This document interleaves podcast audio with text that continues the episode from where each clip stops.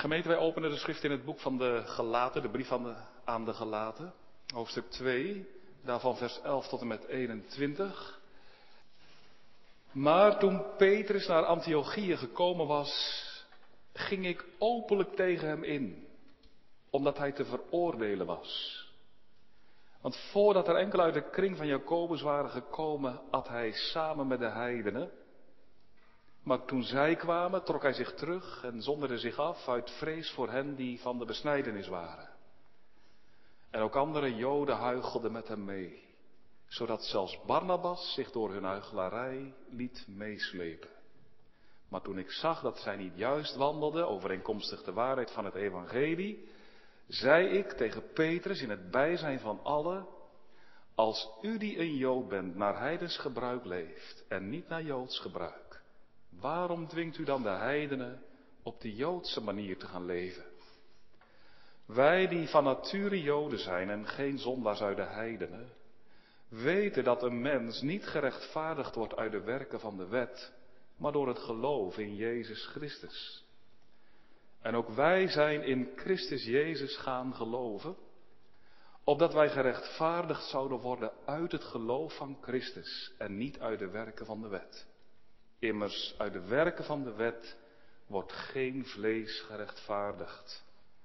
Maar als wij die in Christus verlangen gerechtvaardigd te worden, ook zelfs zondaars blijken te zijn, is Christus dan een dienaar van de zonde? Volstrekt niet. Want als ik dat wat ik heb afgebroken weer opbouw, dan bewijs ik daarmee dat ik zelf een overtreder ben. Want ik ben door de wet, aan de wet gestorven, opdat ik voor God zou leven. Ik ben met Christus gekruisigd. En niet meer ik leef, maar Christus leeft in mij. En voor zover ik nu in het vlees leef, leef ik door het geloof in de Zoon van God die mij heeft liefgehad en zichzelf voor mij heeft overgegeven. Ik doe de genade van God niet te niet. Want als er gerechtigheid door de wet zou zijn, was Christus te vergeefs gestorven. Gemeente, de aankondiging dat volgende week zondag het heilige avondmaal zal worden bediend, kan van alles bij ons teweeg brengen. Allerlei gedachten, allerlei gevoelens. Het kan in je hart een verlangen teweeg brengen. Een uitzien. Gebed. Heren, zou dat kunnen? Dat ik u straks weer mag ontmoeten aan de tafel van het verbond. En zou u dan zelf ook in het midden willen zijn? En dat we dan een goed uur samen in de omgang met u mogen hebben. Dat kan. Misschien is het zo bij u. Kan ook huiver in je hart oproepen. Vrees. Misschien wel schrik. Deelnemen aan de sacramenten. Ah nee, dat, dat durf ik niet. Ik denk dat dat voor mij te hoog is. Ik heb wel eens deelgenomen aan het avondmaal. Maar achteraf heb ik vaak gedacht, heb ik daar wel goed aan gedaan? Nou zo. En zo kunnen er allerlei gedachten in ons opkomen. Wat is nu nodig? Wanneer mogen wij deelnemen aan het heilig sacrament van het avondmaal? Wel op die vraag willen wij vanmiddag antwoord zoeken in het woord van God. Galaten 2, het gedeelte dat we samen ook hebben gelezen, en dan vers 19 en 20 in het bijzonder, vooral ook vers 19, waar Paulus schrijft, want ik ben door de wet, hè, ik lees het u graag nog een keer voor, hè, ik ben door de wet aan de wet gestorven, opdat ik voor God zou leven. Ik ben met Christus gekruist en ik leef, maar niet meer ik, maar Christus leeft in mij. En wat ik nu leef in het vlees, dat leef ik door het gelovende Zoon van God, die mij heeft liefgehad en zich voor mij heeft overgegeven. Thema voor de preek, sterven om te leven. We hebben twee gedachten. Sterven door de wet, hè, dat is wat Paulus hier zegt in dit vers. Ik ben Door de wet aan de wet gestorven. En in de tweede plaats leven door het evangelie. Dat is ook wat de Paulus horen zeggen. En ik leef, niet meer ik, maar Christus leeft in mij. En wat ik nu leef in het vlees, dat leef ik door het geloof in de Zoon van God. Die zichzelf voor mij heeft overgegeven uit liefde. En dus, dat is wat we aantreffen. Het accent ligt op de eerste gedachte. Sterven door de wet. Maar dat heeft één doel. Dat is dat we gaan leven door het evangelie.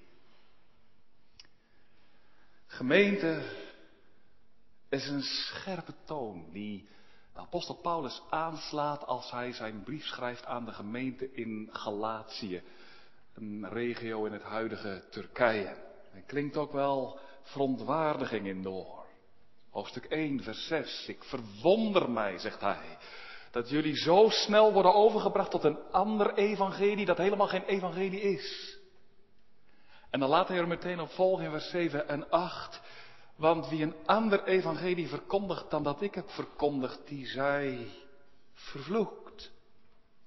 En hoofdstuk 3 vers 1. Ho uitzinnige gelaten.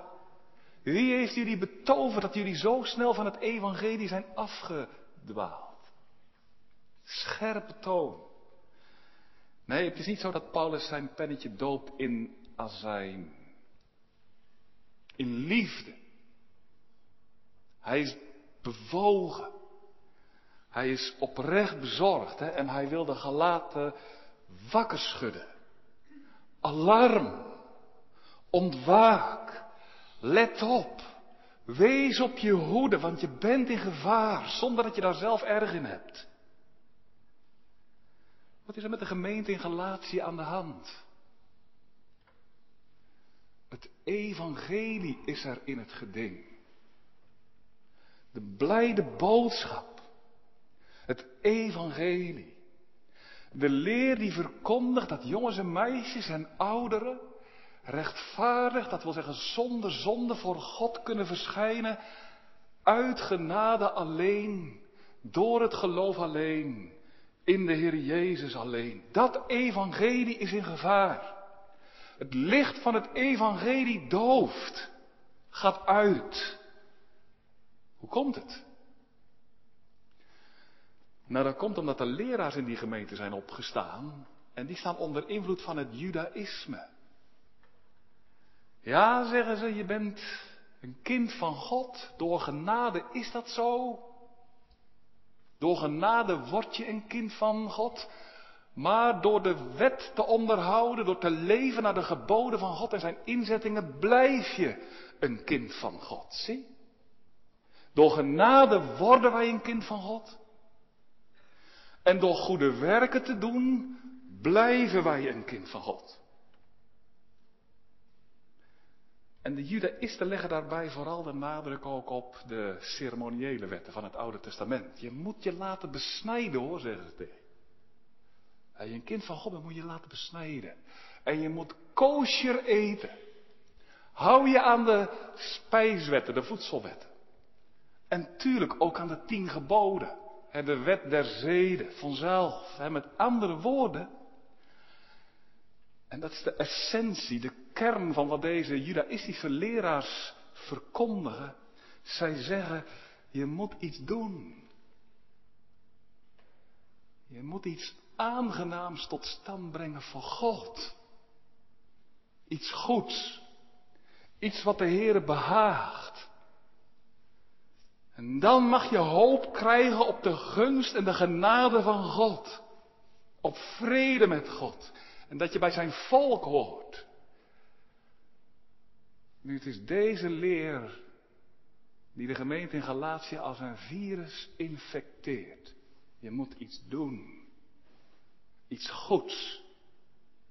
En zo word je aangenaam voor God, aanvaardbaar voor God. Rechtvaardig.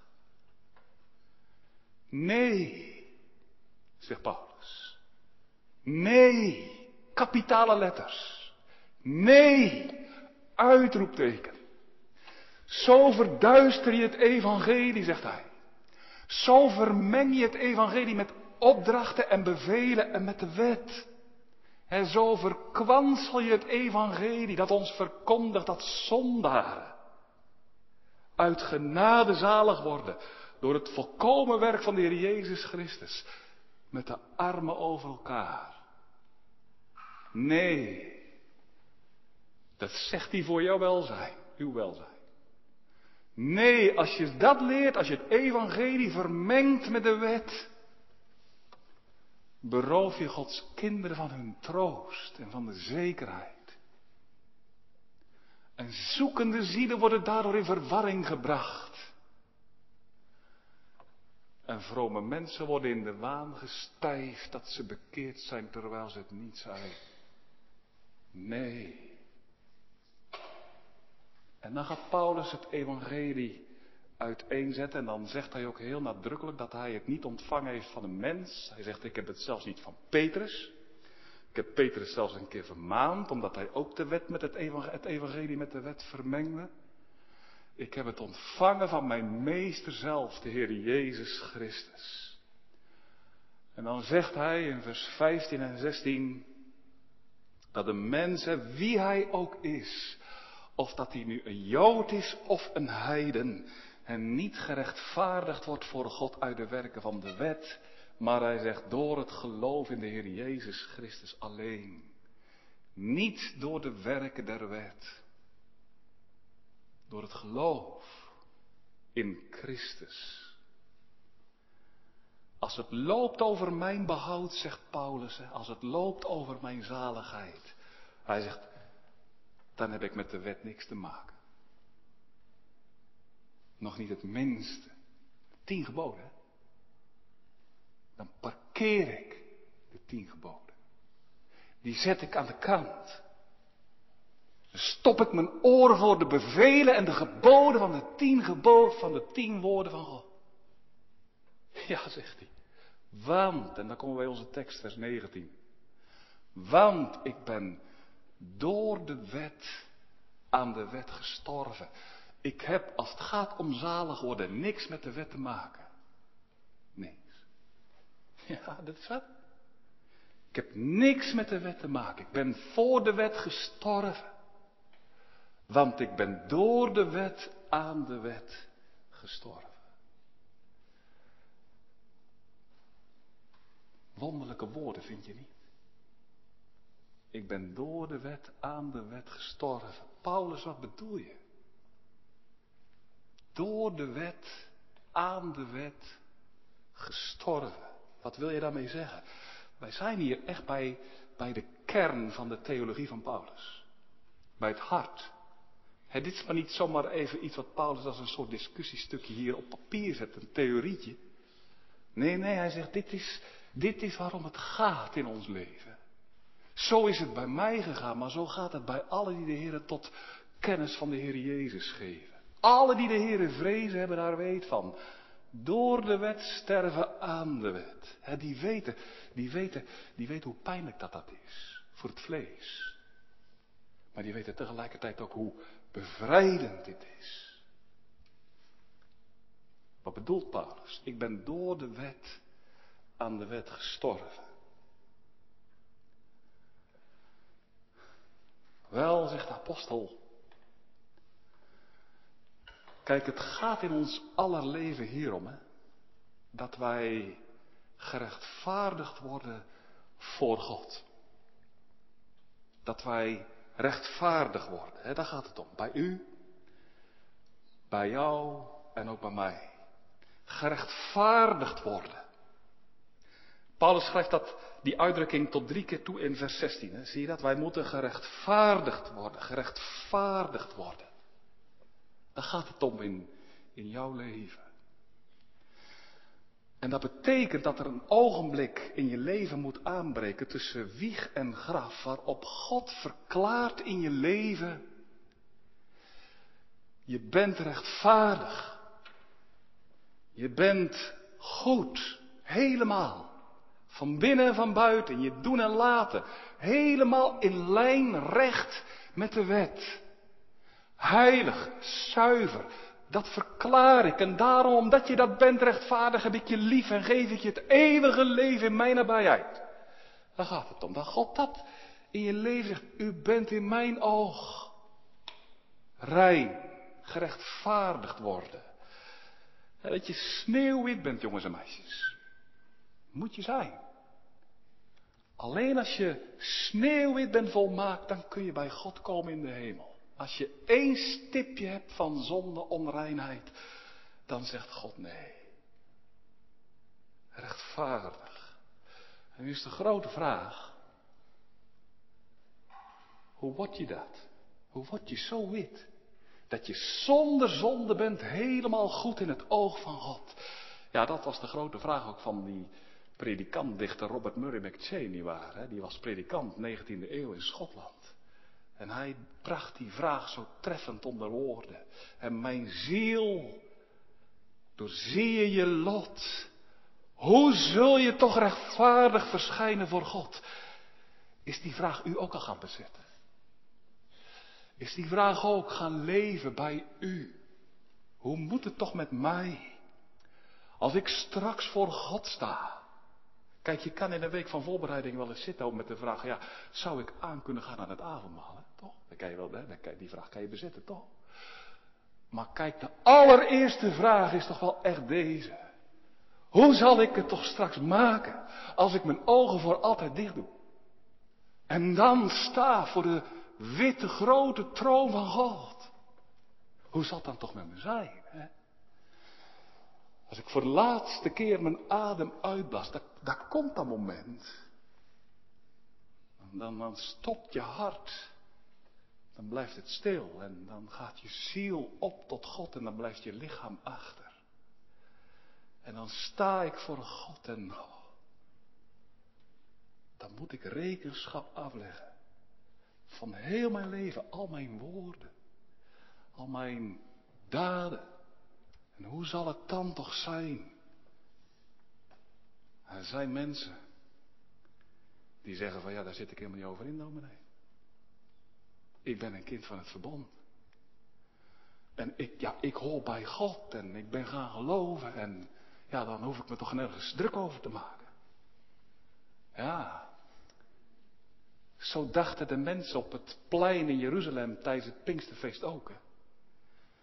Die stonden daar met hun offers, die wilden ze gaan brengen voor God. En die dachten in hun hart van ja, ik ben door genade een kind van het verbond. En ik blijf als ik goed mijn best doe en de wetten onderhoud. Dan blijf ik ook een kind van God. Totdat hun ogen open gingen. En toen zagen ze, ja, de Heer heeft mij grote genade toegezegd in het verbond, zeker. Maar ik sta nog voor eigen rekening. Ik kan zo zoals ik ben niet voor God bestaan. Ik ben een groot zondaar, zie nou dat. Wat moeten wij doen, riepen ze uit, om zalig te worden.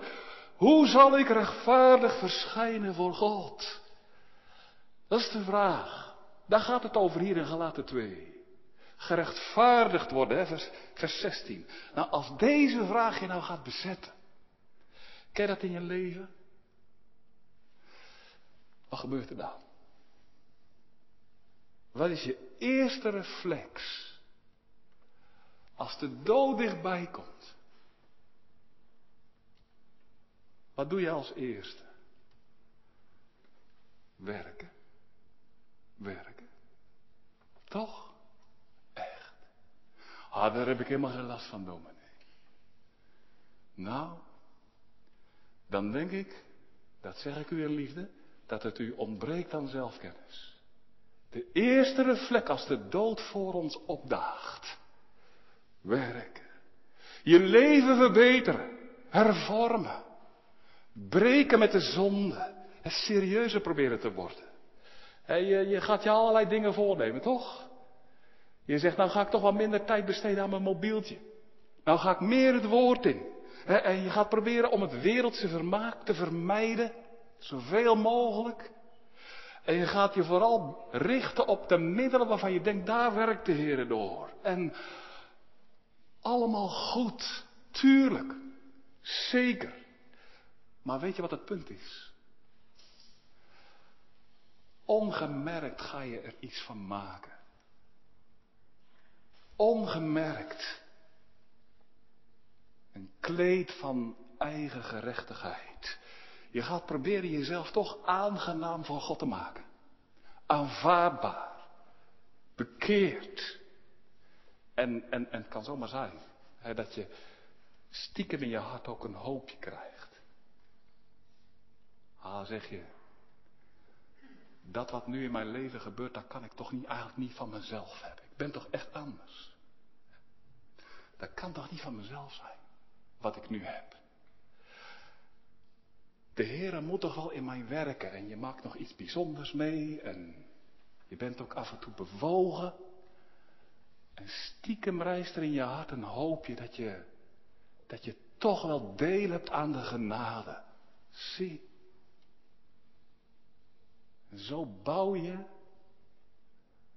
zonder dat je daar erg in hebt, op jezelf en op je gedrag en op wat jij doet en op wat er in jouw leven gebeurt. En gaat het in je eigen waarneming goed? Hè? Ben je, nou ja, minder ongeduldig, verdraagzamer, vriendelijker? Dan denk je, ga goed.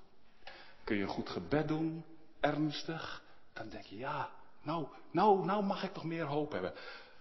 Maar schiet je dan een keer uit je slof? Lukt het bidden niet? Heb je een hard hart? Dan verlies je alle moed. Dan krijg je juist geen hoop. Dan word je aangeklaagd en beschuldigd. En toch pak je dan de draad weer op, steeds weer. Je zoekt naar meer ernst. Meer verbrokenheid. Een levend besef van de geestelijke werkelijkheid. Werken. Beter worden. Iets proberen te doen omdat je denkt dat dat nodig is om aangenaam voor God te worden en voor genade in aanmerking te komen. Herken je dat? Dat is de oude Adam in je. Echt. Adam, die zit in ons aller hart. Niet in mijn hart, dominee. Jawel. Die leeft ook in u, dat is uw bestaan. Dat is je natuurlijke bestaan. Die oude Adam, die wil altijd werken.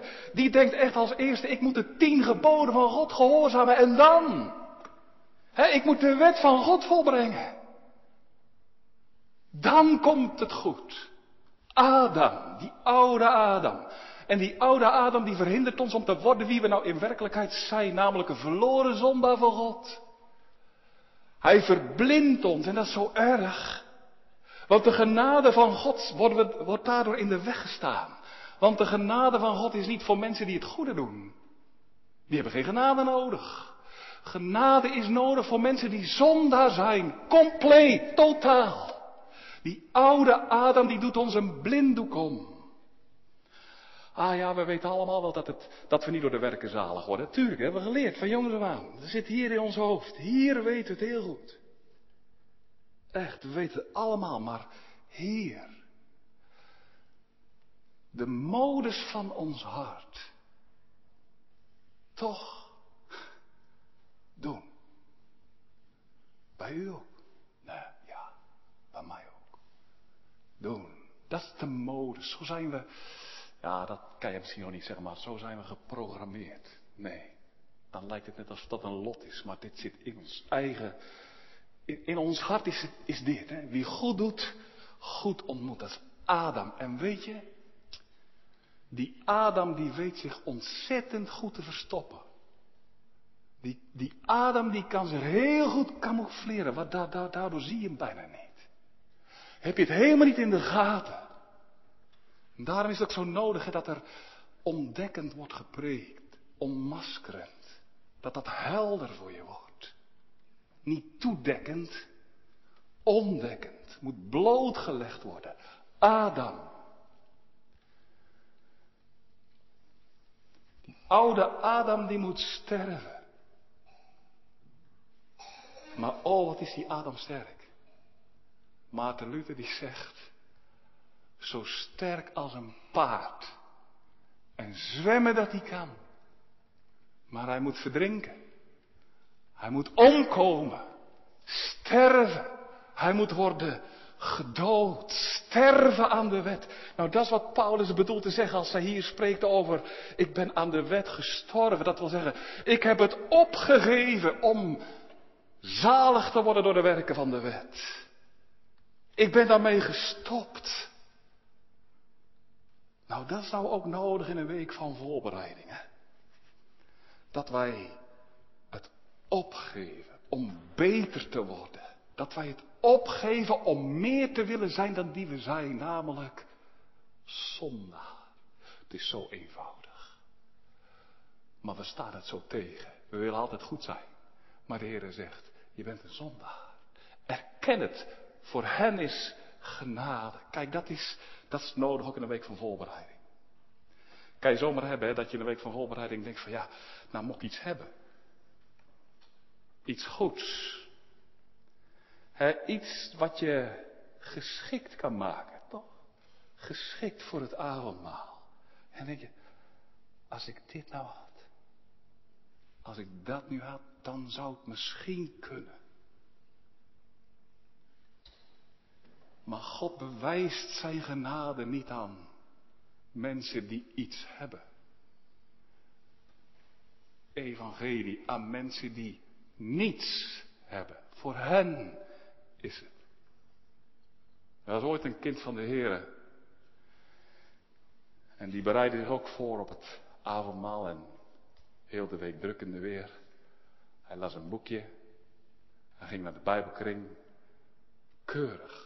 En ja, ik, uiteraard, ik zeg daar niks van. Integendeel, dat is juist heel goed om dat te doen. Hè. Het is erger als je het niet doet. Heel goed om dat te doen. Maar die man die dacht van nou, ja, nou gaat eigenlijk best de goede kant op. Hè. En hij realiseerde zich dat niet echt bewust, maar toch, dat leefde wel in zijn hart. Nou, nou leef ik eigenlijk zo netjes. Nou heb ik toch wel vrijmoedigheid om zondag deel te nemen aan de viering van het sacrament.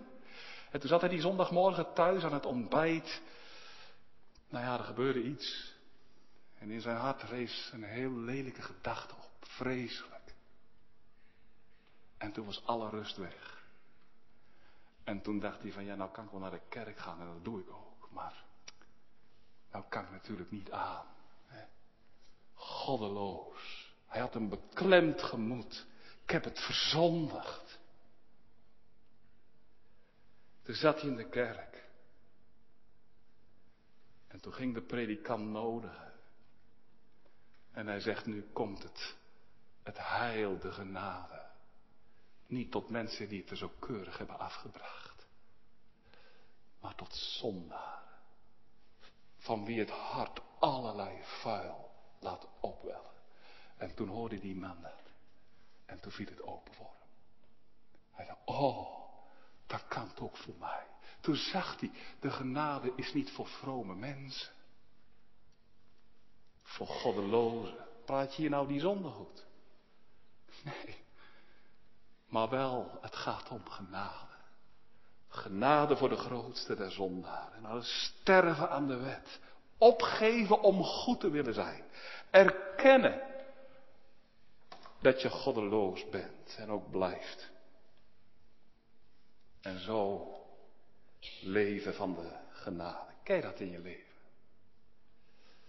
Dat sterven.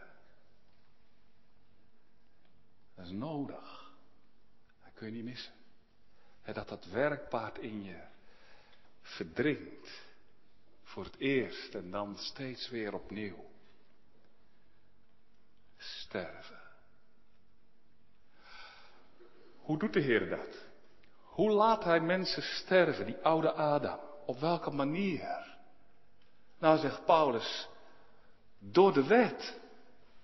Ik ben door de wet gestorven voor de wet, aan de wet. De wet is het die je doodt. En dat doet de wet. Weet je hoe de wet dat doet? Door je steeds te wijzen op je tekorten. Door je uit te putten en te laten zien. Het is te kort, te kort. Door je te vermoeien. Door je aan het einde van de wet te brengen. Door het je te laten opgeven. Dat is wat de wet doet. Zo laat de wet je sterven aan de neiging om het goede te doen en zo in aanmerking te komen voor genade. Dat is wat de wet doet. Dat komt omdat de wet nooit zal zeggen, nou nou is het goed. Nu is het genoeg. Nu ben je volmaakt. Nu ben je rechtvaardig. Nu kun je voor God verschijnen. De wet zegt altijd, hè, dat is dat stemmetje in je hart, niet genoeg. Tekort. Onvoldoende. Je bent niet goed genoeg, je bent niet ernstig genoeg, je bent niet serieus genoeg. Het moet beter, veel beter. Herken je die stem in je hart? Je moet meer gaan bidden. En ga je meer bidden, dan moet je wel ernstiger bidden. Zie je zonde. Je moet je zonde beleven, echt beleven. Je hebt berouw nodig. Meer berouw. Oprecht berouw. Dat is de wet. De wet jaagt op. Put uit. En eens gehoord van een rupsje nooit genoeg? Vast wel, hè? Dat is een kinderboekje dat verscheen al 15 jaar geleden. En gaat over een rupsje, dat komt uit zijn eitje. En dat begint met eten en dat stopt nooit meer met eten. De eerste dag een appel, de tweede dag een peer en zo verder en verder. Eten, eten, eten, nooit genoeg. Meer, meer, meer. En nou, dat is het leven van Rupsje. Nooit genoeg. Ik dacht, dat is de wet. Ja, die zegt altijd meer. Meer. Niet genoeg. Niet genoeg. Moet beter. Beter. Zie? Kijk, en zo vermoeit de. Put de wetje uit. En ze klaagt je alsmaar aan. Hoe je ook je best doet. Je vindt maar geen vrede. Rust nog vrede wordt gezond, gevonden om mijn zonde in mijn beenderen. Dag en nacht.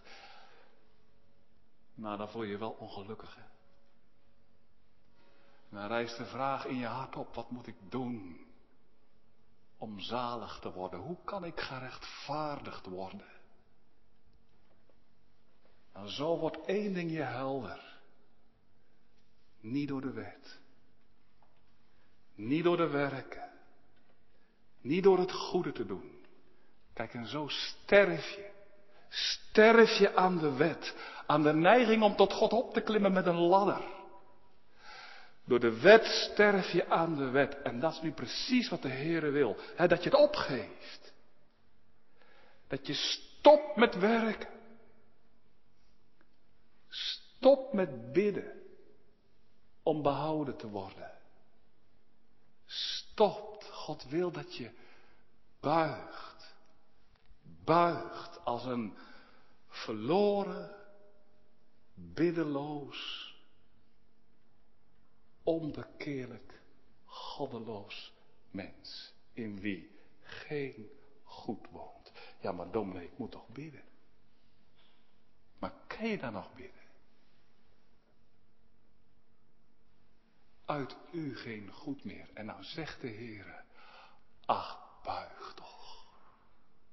Wees een goddeloze. Het is voor goddeloze. Het is troost, deze leer. In wie geen goed. Ik. Er zijn wat mensen die denken, nou, bid, ben bekeerd. U bent in uzelf dood door de zonde en de misdaad. En de Heer zegt, erken het toch. We vechten er tegen. We strijden er tegen. Maar de Heer zegt, o buig eronder. Val het oordeel over je leven bij. Zeg er toch me op. Want voor zulke mensen is de genade. Andere mensen zijn er niet. Er zijn alleen maar goddelozen, uit wie geen goed meer komt. En voor goddelozen is het heil. daarom buig en beleid het en zeg het. Heer, ik heb geen geloof. Nog niet een kruimel. Geen gebed, nog niet een zucht. Over zulke wil de Heer zich ontfermen, over hen die dood zijn door de zonde en de misdaden. Want kijk, zie voor zulke mensen, la los. Voor zulke mensen is het heil dat God heeft bereid. Voor zulke mensen heeft God nu zijn zoon, de Heer Jezus Christus, naar deze wereld gezonden. En zie hoe nou de Heer Jezus Christus tot zulke, tot zulke mensen, tot zulke mensen komt. Ook vanmiddag. Hij staat naast je. Hij komt tot je. En terwijl u zich in allerlei bochten misschien wel wringt om nog een gebed omhoog te persen, staat hij gereed en wacht hij om genadig te zijn. Maar hij kan zijn genade niet aan je kwijt. Niet omdat je te slecht bent. Te goed. Te slecht, dat kan niet. Te goed wel. En daarom sterven aan de wet en tegelijk leven door het evangelie. Dat is wat Paulus ook zegt. Ik ben door de wet aan de wet gestorven. Maar, zegt hij, ik leef door het geloof. Ik leef niet meer ik, maar Christus leeft in mij. En voor zover ik nu in het vlees leef, leef ik door het geloof in de Zoon van God die mij heeft liefgehad en zichzelf voor mij heeft overgegeven. Ik hoop in de nabetrachting wat dieper op deze verse in te gaan. Waar ik nu vooral de vinger bij wil leggen is dat Paulus zegt, hè, ik ben met Christus gekruist en ik leef. En ik leef door het gelovende zoon van God die mij heeft liefgehad en die zichzelf voor mij heeft overgegeven. Paulus zegt, hè, hoe word ik nu rechtvaardig voor God? is de vraag, hè? Hoe kan ik nou voor God verschijnen? Nou zegt Paulus, niet door de wet. Niet door goed je best te doen. Door Christus. Door het geloof in de Heer Jezus Christus. Door Christus alleen met wie ik één ben. Aan wie ik verbonden ben geraakt. Christus heeft mij in mijn leven opgezocht en, en, en mij naar zich toegetrokken en met mij, mij met zich verenigd. En nu ben ik één met de Heer Jezus Christus. En het is door Hem dat ik rechtvaardig ben. En voor God kan verschijnen. En vrede heb met God. En voor eeuwig leef door de Heer Jezus Christus. Jawel, want als je één bent met de Heer Jezus door het geloof, dan mag je zeggen, en dat is zo kostbaar aan het begin van vers 20, wat daar staat. Ik ben met Christus gekruisigd. En wat Paulus zegt. Ik ben één met de Heer Jezus door het geloof. En omdat ik één ben met de Heer Jezus, mag ik ook zeggen, nu ben ik met de Heer Jezus gekruisigd. Toen Christus werd gekruisigd en toen Hij 2000 jaar geleden betaalde voor de zonde, toen werd ik gekruisigd. En toen betaalde ik voor de zonde. En niet ikzelf, maar Christus voor mij. Dat is wat Paulus hier zegt. Hij zegt, zie je de kruispaal van Golgotha. En zie je daar de man van smarten. Leidend en zo vernederd. Daaraan ik, zegt Paulus. Mijn vlees, mijn zonde. Christus neemt mij op zich. En hij draagt voor mij daar de vloek. Hij betaalt. En omdat hij heeft betaald, hoef ik niet meer te betalen. Ik ben vrij van de zonde. Ik ben rechtvaardig. Ik ben met Christus gestorven. En nu ben ik ook met Christus opgestaan, want ik leef door Christus. En het is door Christus dat ik rechtvaardig goed ben voor God. En dan ben ik niet meer bang om te sterven. Nu jaagt de dood geen angst meer aan. Want alles is voldaan door de Heer Jezus Christus. Nu hoef ik niet meer bang te zijn. Christus heeft betaald. Ik mag rusten, rusten. Nou, ik ben met Christus gekruisigd. Dat mogen nu alle zeggen die één zijn met de Heer Jezus en die zich door het geloof aan Hem toevertrouwen. Die het opgeven om door doen en laten zalig te worden. En die het eerlijk erkennen, ik ben een goddeloos, deugt niks aan mij. Heel vernederend, hè? Maar ook zo bevrijdend. Ik heb niks goeds, maar zo mag ik nu me laten neerzinken. In de armen van de Heer Jezus Christus. En zo ben ik rechtvaardig. En heb ik vrede met God. Door Christus alleen. Die, die mij heeft lief gehad en die zich voor mij heeft overgegeven. Mag ik u nou eens vragen, een week van voorbereiding. Ja, dat is toch ook een week van onderzoek, hè? Dan moet de blik ook naar binnen. Terug in je leven, hè? Maar, ken je dat nu? Dat je de dood op jezelf hebt leren schrijven. Uit mij ging goed. En dat je ook het leven hebt gevonden in de Heer Jezus. Er zijn er nu momenten, als je terugblikt, waarop je kunt zeggen, ja, dat woord, dat heeft kracht gedaan in mijn leven. Dat heeft mij gedood. En dat heeft mij ook levend gemaakt. Ik sprak een keer een vrouw, ik vergeet dat nooit meer. Dat, dat zijn uitdrukkingen die blijf je dan bij. Hè? Die zei, ik ben toch zo blij. Ik zeg, wat ben je blij mee? Ik zeg, weet je waar ik dan blij mee ben? Dat de Heer ook dood. Dood. Die Adam, dat hij laat zien. Zalm tekort. Maar dat hij ook leven maakt, tuurlijk. Door me te laten zien op de Heer Jezus Christus, die gekomen is naar deze wereld voor zondaren. In Haskamp, waar we een aantal jaar hebben gewoond, ja dat schiet me nou zo even in de gedachten, dat mag wel hè. Daar was een man, en die liep ook zo, zo lang te tobben hè. Ja, hoe vind ik toch vrede met God? En God bracht, brak in in zijn leven en opende zijn ogen voor het volbrachte werk van de Heer Jezus. En dat dat nu echt voldoende is voor eeuwig om behouden te worden. Hij zei, ik ben, hij, huppelde van vreugde. Hij zei, dan heb ik één gebed. Heer, houd hem dood, houd hem dood. Die oude Adam. Om nou niet meer nog iets zelf te willen doen. Nee, maar om nou als een goddeloze te rusten. Op het volbrachte werk. Is toch niet zo heerlijk dan dat? Dan hoef u het niet meer te zijn. En dan is hij het. Ken je dat? In je leven. Dat Christus zich door het evangelie in je hart bekend maakt. Het woord voor je kracht heeft. Hè? En, en dat het de blik, dat het je blik naar buiten liet slaan. Naar de Heer Jezus, die in het evangelie zondaren nabij komt. Als je nou vanmiddag moet zeggen, ja dat, dat weet ik niet, daar ben ik onzeker in. Of als je misschien wel moet zeggen, ik denk dat ik dat niet weet, dat ik dat niet ken. Wel,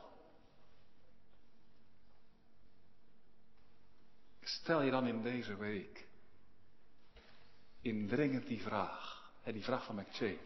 Mijn ziel, hè, doorzie je je lot, hoe zul je toch rechtvaardig verschijnen van God? Overdenk je zonde. Maak ze groot. Wij hebben altijd neiging om ze klein te maken, ik althans wel. Ik denk, nou, valt toch wel mee, iedereen doet toch wel eens wat, wat niet goed is. Nee, maar maak ze groot en overdenk ook het onterende van. En en dat God je om, vanwege die zonde moet oordelen, veroordelen. En dat God overdenkt dat ook, hè? Dat God in het geheel geen onrecht doet als hij je voorbij gaat. Paulus zegt in Romeinen 3, heel de wereld is voor God verdoemelijk. En dat laat hij verkondigen waarom, opdat alle mond gestopt worden. Overdenk het. Maar zie ook, o zie ook, hoe nu de Heer Jezus Christus in het evangelie tot je komt. En je toeroept, mijn zoon, mijn dochter, o geef mij je hart. En hij vraagt niets van je. Alle zijn tot hem welkom. Als je vanmiddag zegt, maar u hebt het zo over de zondekennis en het ontbreekt me daar nou juist zo aan. Wel, u bent ook welkom bij de Heer Jezus zonder zondekennis. Als u vanmiddag zegt, ja het gaat over berouw, maar het ontbreekt me juist zo aan berouw. Christus roept ook zondaren die in eigen oog geen berouw hebben. Overdenk ook van de week wie de Heer Jezus Christus is. En Paulus zegt, die mij heeft liefgehad, dat zijn woorden hoor je. Die mij heeft liefgehad, zegt Paulus. En zich voor mij heeft overgegeven. Mij. Zo'n groot zondaar. Ik heb de gemeente van God vervolgd. Kun je toch niet indenken? Die ging rond ook in gemeente als die van Oud-Beijerland. En die pakte mensen op en die zette ze in de gevangenis. Die man heeft genade ontvangen. Nou zegt Paulus toch van mij kan. Zal het dan niet kunnen voor u? Daarom zie vanmiddag ook de Heer Jezus. En hij zegt, laat je toch doden. En erken het toch, Heer, ik ben een goddeloze Heer. Je bent het. De Heer zegt, ik, ik, ik vraag van je dat je daar amen op zegt. en dat ik niks aan je verplicht ben. Zie het maar, ho, zie toch ook juist tot zulke. Kom nu de zaligmaker. Zo vriendelijk. Hij zegt, ach toe. Geef toch je leven aan mij. Ja, maar dat kan nu toch niet vanmiddag. Maar hij komt vanmiddag tot u en hij staat voor u. Oh, zult u het uitstellen? Kom. Hou jezelf niet op de been, joh. Beleid het, heren. Geen goed, geen goed, geen goed. Maar u bent wel goed. Oh, laat je neervallen in zijn armen. La los al die pogingen om jezelf te verbeteren. Ben door de wet, zegt Paulus, aan de wet gestorven en zo leef ik voor God door het geloof alleen. Dat is me toch een evangelie. Dit is evangelie. Enige, het ware. Alles krijgen voor niets. Enkel genade. Het allerbeste voor de allerslechtste. En dat zonder dat je daar iets voor hoeft te doen. Weet je wat Maarten Luther zegt? In een commentaar op Galaten 2 vers 19. Hij zegt, wat? Worden wij zalig? Zonder de wet van God te volgen, te gehoorzamen? Maar je moet toch bidden en je moet toch goed zijn? Worden wij zalig door de wet aan de kant te schuiven? Hij zegt letterlijk hier, hè? hij zegt, Paulus is echt de grootste ketter. Zijn ketterij is ongehoord. Hij zegt, ja tuurlijk, wij mensen leren precies het tegenovergestelde. Als u voor God wil leven, gehoorzaam de wet. Ja, zegt Paulus, dat is het beginsel van alle theologen. Leef naar de wet en dan krijgt u vrede met God. Paulus zegt precies andersom. Hij zegt, wij kunnen niet naar de wet leven. Vrede met God krijgen we alleen als we de wet loslaten en ons laten vallen voor Christus voeten neer. Wij kunnen niet voor God leven als wij niet voor de wet zijn gestorven en als wij niet vrij zijn van de wet en van haar gebiedende stem. Door genade alleen, door te rusten op Christus alleen. Dit is evangelie, zegt Paulus. En ja, dan ga ik eindigen, want het is natuurlijk hoog tijd. Maar dit evangelie is werkelijk troost. Troost. Echt rijke troost. Waarom? Nou, als ik nu door de Heer Jezus Christus vrede met God heb, zonder zelf iets te hoeven doen. Dat is toch ongekend. Nou ga ik iets zeggen. En misschien zeg je wel, u bent ook een ketter. Maar het is toch echt waar omdat nu de Heer Jezus volmaakt is en ik zijn eigendom, hoef ik niet meer volmaakt te zijn. Omdat Hij de wet volkomen heeft gehouden, mag ik zondaar zijn. Mag ik een slechte moeder zijn, een slechte vader, een brokkenmaker. dat is vrijheid. Ben ik een zondaar met zoveel tekort en zoveel gebrek. En toch behouden, toch behouden, omdat de Heer Jezus goed is, hoef ik het niet meer te zijn. Omdat Hij volmaakt is, mag ik onvolmaakt zijn. Moet je tot je laten doordringen. Mag ik onvolmaakt zijn? Heeft hij me toch lief? Kijk, en als je dat ziet, hè, en dat voor je waar wordt, wat gebeurt er dan? Dan ga je voor God leven. Dan ga je God aanbidden. En oh Heer, bent u zo? Dat u mij lief hebt, zo zoals ik ben? Kijk, dan ga je zingen. Dan krijg je vruchtdragend leven. Sterf je aan de wet. Om juist zo, door het geloof, voor God te gaan leven. Nu. God zij de eer. Voor dit evangelie. Leef erbij. Deze week. Deze week van voorbereiding. En leef zo toe naar de viering van het sacrament. De Heere zegene zijn woord. Amen.